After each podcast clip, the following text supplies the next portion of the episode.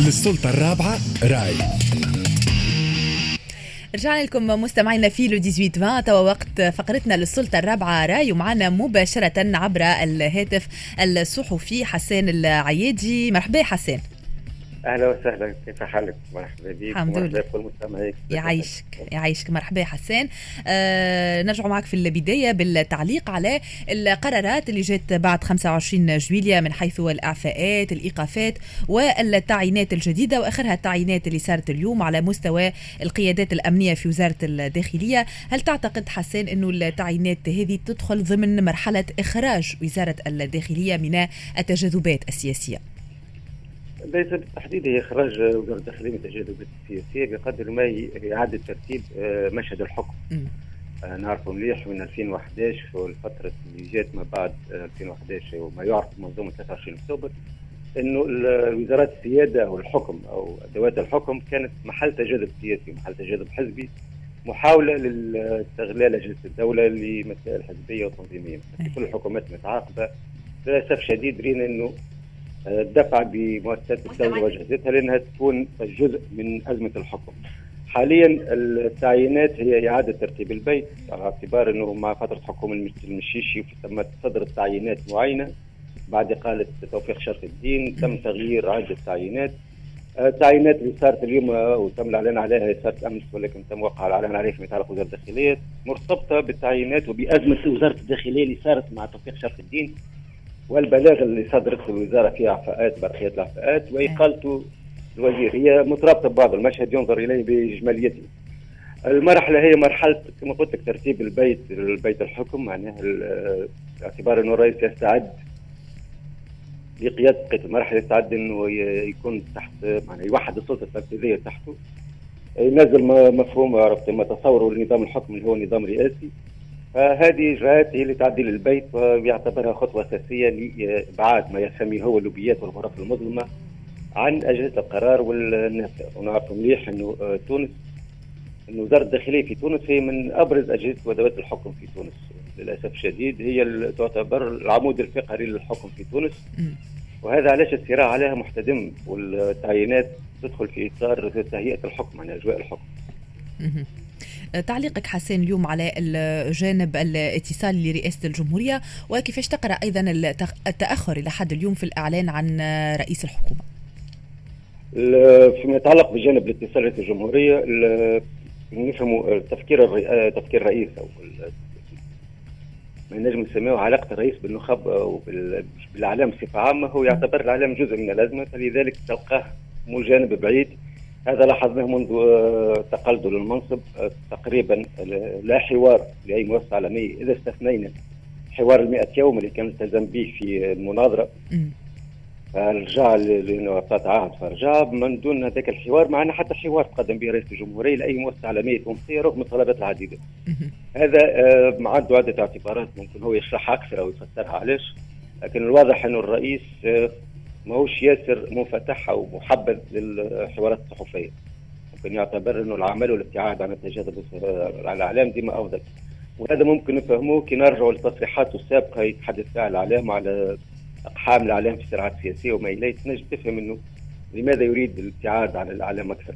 مم. نتصور إذا كان باش يحب يدير المرحلة القادمة ويكون أكثر معناه يبعث تطمينات وتعهدات يقول لها بها انه لا عوده للإستبداد لا عوده للوراء فإنه سيقوم في الأيام القادمة بترتيب البيت بما معناه آه، مكتب اعلامي جديد باعتبار إن هناك شغور باستقاله المستشاره آه، زميلتنا رشيدة نيثر ولاحقا زميلتنا الصحفية كذلك ريم القاسمي من مكتب الإعلام وخلو هذا المكتب من أي آه، فريق عمل معناها محترف.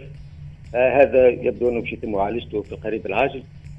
آه فيما يتعلق برئاسه الحكومة والمشهد كيف يدار لهنا فما ما نقطه مفصليه بالنسبة للرئيس هي صدور نص أو ما يقال عليه في زيارته لمطار تونس قرطاج النظام السياسي يستجيب للقرارات التونسيين بما معناه الدستور الجديد أو نظام مؤقت للسلطات العمومية ينسخ أو يلغي دستور 4 2014 ويحل محله وثيقة تنظم السلطات العمومية وتوحد السلطة التنفيذية بيد الرئيس. هذا علاش تأخر الإعلان عن رئيس الحكومة ولكن لا لا باش يتم التغيير من رئيس الحكومة باش نحكيو على وزير أول باعتبار أنه الرئيس كان واضح في تصريحه أو في اعلانه للاجراءات الاستثنائيه نهار 25 كان واضح. سأعين وزيرا أول نرجع تونس كل سماع منيح وباقي أعضاء الحكومة اي نتجه إلى تعديل نظام؟ يكون نظام رئاسي. السلطه التنفيذية فيه بيد الرئيس هو الذي يعين وزير أول وفريق حكومة. صدور النص سيكون سابق للإعلان عن هذا الفريق الحكومي وعن الحكومة وهذا علاش تم التأخير. حسين اليوم القيادي في حركة النهضة محمد بن سالم كان آه، في تصريحه لبرنامج Le Grand Express قال إنه قد نضطر إلى بعث حزب جديد واليوم تقريبا قاعدين نشوفوا حسين في برشا تصدعات داخل الأحزاب سواء في حركة النهضة أو كذلك قلب تونس وعلى ما يبدو إنه القرارات الاستثنائية لرئيس الجمهورية زادت من إضعاف آه، يعني آه، العمل داخل الأحزاب هذه. آه، هو قلب تونس هو مجموعة حزب انتخابي بالأساس علاش ما استكملش بناء الحزبي والتنظيمي باش ينجم يطلق عليه اسم حزب. آه، نفس المعضلة اللي صارت لنداء تونس في تشكيل وانه ظل حزب انتخابي أي حزب حكم. خارج الحكم يتفكك. هذاك علاش يتفكك الاحزاب هذه؟ بالنسبة لحركة النهضة حركة النهضة اليوم أصبحت جزء من الماضي. بما معناه انه هناك طلب وهناك عرض للإسلام السياسي في تونس أي والحركات المحافظة أو ذات المرجعية الإسلامية. شبقى عندها جمهورها في تونس ولكن هذا الجمهور لم يعد جميلا للنهضه ما عادش النهضة اللي تعبر عليه. النهضة بدات في انهيارها أو التفكك نتاعها باستقالات عده خروج حمادي جبالي وبعد بينا فك التفكك ثم مؤتمر 2016 والصدام والصراع والخروجها من الجماعة أو بداية التفكك لأنها قائمة على مقولة الجماعة فالمقولات هذه انهارت بممارسة الحكم وبصراعات الحكم بانتماقها أو انها جزء من منظومة الحكم. ونرجعوا ل 2020 أو الاستقالة عبد الحميد الجلاصي 2020 ونقراوها مليح. سنجد إنه النهضة انتهت كجماعة وكحزب تغيير كما يسميه هما أو كجماعه أو حركه احتجاجية ثوره الحكم وأصبحت حزب حاكم واصابها ما أصاب الأحزاب الحاكمه الكل من خمول وتكلس وخلاها في قطيعة مع جمهورها من الناخبين أو من الأنصار. القطيعة هذه استمرت إلى جات لحظة 25 جويلية وأعلنت على النهاية التنظيمية. اليوم حركة النهضة في مرحلة ال قولوا نحن بالتونسي قاعد تستوعب في الصدمة اللي أخذتها نهار 25 فالاستيعابها لهذه الصدمة خلاها في بداية التفكك التنظيمي. لاحظنا عدة تصريحات متناقضة لاحظنا صراعات خرجت للعلن بأكثر حدة بتناقضات كبيرة.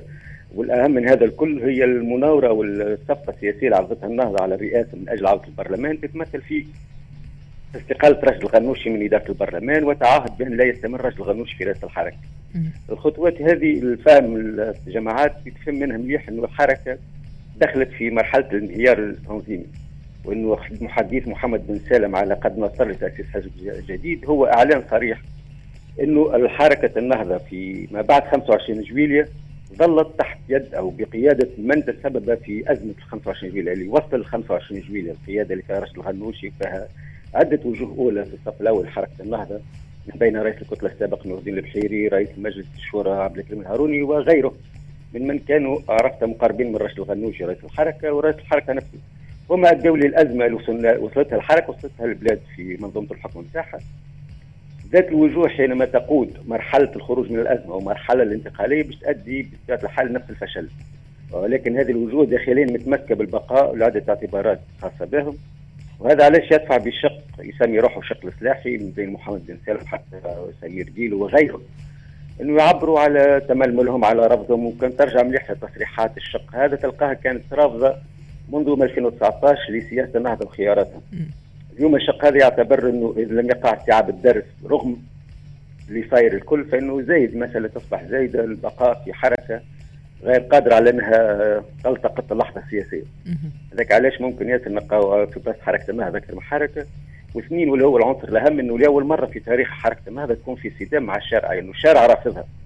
في فترة التأسيس أو في فترات الكل كانت الحركة تجد حاضنة شعبية تجد تعاطف شعبي. سردية الضحية وسردية الحكم وسردية الامر عليهم من بعد 2011 كان تلقى عندها أرضية تلقى عند التونسي ما يسمع. في 25 جويلية والاحتفالات اللي صارت والخروج الناس العفوي للشارع وتعبيرهم عن فرحهم بذهاب النهضة وبخروجها من الحكم مؤشر بالنسبة لأي حزب سياسي هذا عبارة على اعلان نهايته. حزب يصبح خروجه من الحكم أو إزاحته عن الحكم حدث احتفائي. ما هو إلا دليل وحيد على انه هذا الحزب فقد أي امتداد شعبي ليه. بالتالي فإنه مش كيف باحزاب أخرى عرفت؟ ستنهار تدريجيا التفكك نتاعها في الآخر تبقى كالاسم ولا باتيندا كما يقولوا الأخوة نتاع سابقا. فباش تبقى باتيندا والأحزاب الإسلامية للأسف معناها وهذاك خصائصها ما تنجمش تكون باتيندا تنجم تكون كان حركية في اطار حركية. النهضه سياسيا معناها وتنظيميا النهضة اللي يعرفوها التوانسه واللي عمرها 40 سنه انتهت. واي مستقبل حركة إسلامية وحركه ذات مرجعية إسلامية ممكن الأيام الجاية توضحوا وشكون الوجوه نتاعها هذا قد يوضح في الأيام الجاية. ولهنا ينجموا يرجعوا التوانسه وحتى الفاعلين السياسيين للحظة التركية اللي صار فيها اوزباكان أردوغان وما إليه. التطورات الأحزاب السياسية اللي صارت إنها تظهر وتمشي في حالة الصدام. أي. حسين اليوم برشا آه، سيناريوهات آه، مطروحة بالنسبة للفترة القادمة فما حديث على إمكانية اللجوء آه، رئيس الجمهورية قيس سعيد إلى حل البرلمان وكذلك الدعوة إلى إلى استفتاء ربما حول النظام السياسي وكذلك الانتخابي في تونس وقد يواصل رئيس الجمهورية في الحالة هذه يعني العمل بواسطة يعني المراسيم وقد يكلف أيضا لجنة من أساتذة قانون وخ خبراء من أجل صياغة آه، دستور جديد وهذا الكل غير مستبعد تقريبا وقد يتم الإعلان عليه يوم 25 أوت. هو قد يتم الإعلان عليه حتى قبل 25 أوت. السيناريو الواضح أو التمشي الواضح اللي مدام بدأت تبرز في تحركات الخطاب أن نتجه إلى تعليق العمل بدستور 2014 وما انبثق عنه مؤسسات من بينها البرلمان بالأساس الصياغة كيف ستكون هذه ننتظر الإعلان عليها ولكن الجلي إنه آه، منظومة حكم 23 أكتوبر والدستور المبثق على 2014 انتهى زمنها في تونس. اليوم نحن داخلين على مرحلة قد تكون مشابهه في ظاهرها لمرحله مارس فيفري مارس في تونس اللي هي نقاشات بعد تشكيل هيئة بن عاشور السلاح السلاح اللي عرفت الديمقراطيه والسلاح السياسي في تونس الهيئه هذيك وغيره من الهيئات اللي تحضر المرحلة أو تقود المرحلة الانتقالية اللي هي اليوم مرحلة استثنائيه سيقود تقودها الرئاسة بمفردها أو بتنسيق أو تشاور. هذا تنعرفون بعد مع بقية الأطراف السياسية ما بين اتحاد الشغل واحزاب قريبة وبعيد عليها.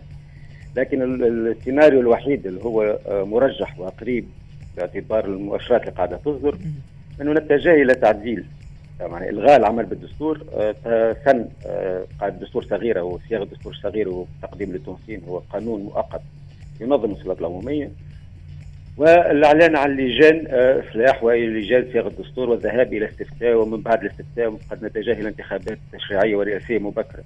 كل هذا هو التمشي اللي يبدو إنه واضح. لكن مفاجآت ديما موجودة وقدرة على قراءة الرئاسة ديما صعيبة لأنه الحكم الغلق أو عدم الخروج والحديث في الإعلام باش تقع المناقشة وتوجيه الأسئلة الأخذ الأجوبة وتحديد الملامح مش موجودة حاليا. هذا السيناريو الأقرب أو هذا السيناريو المرجح حاليا في تونس. واضح يعطيك الصحة. شكرا لك الصحفي حسن العيادي. شكرا على هذه القراءة وشكرا على تدخلك معنا. إحنا مش نخليكم توا مستمعينا مع فاصل موسيقي. بعد باش تكون معايا زميلتي يسرى قعلول في جولة مع أبرز أخبار العالم.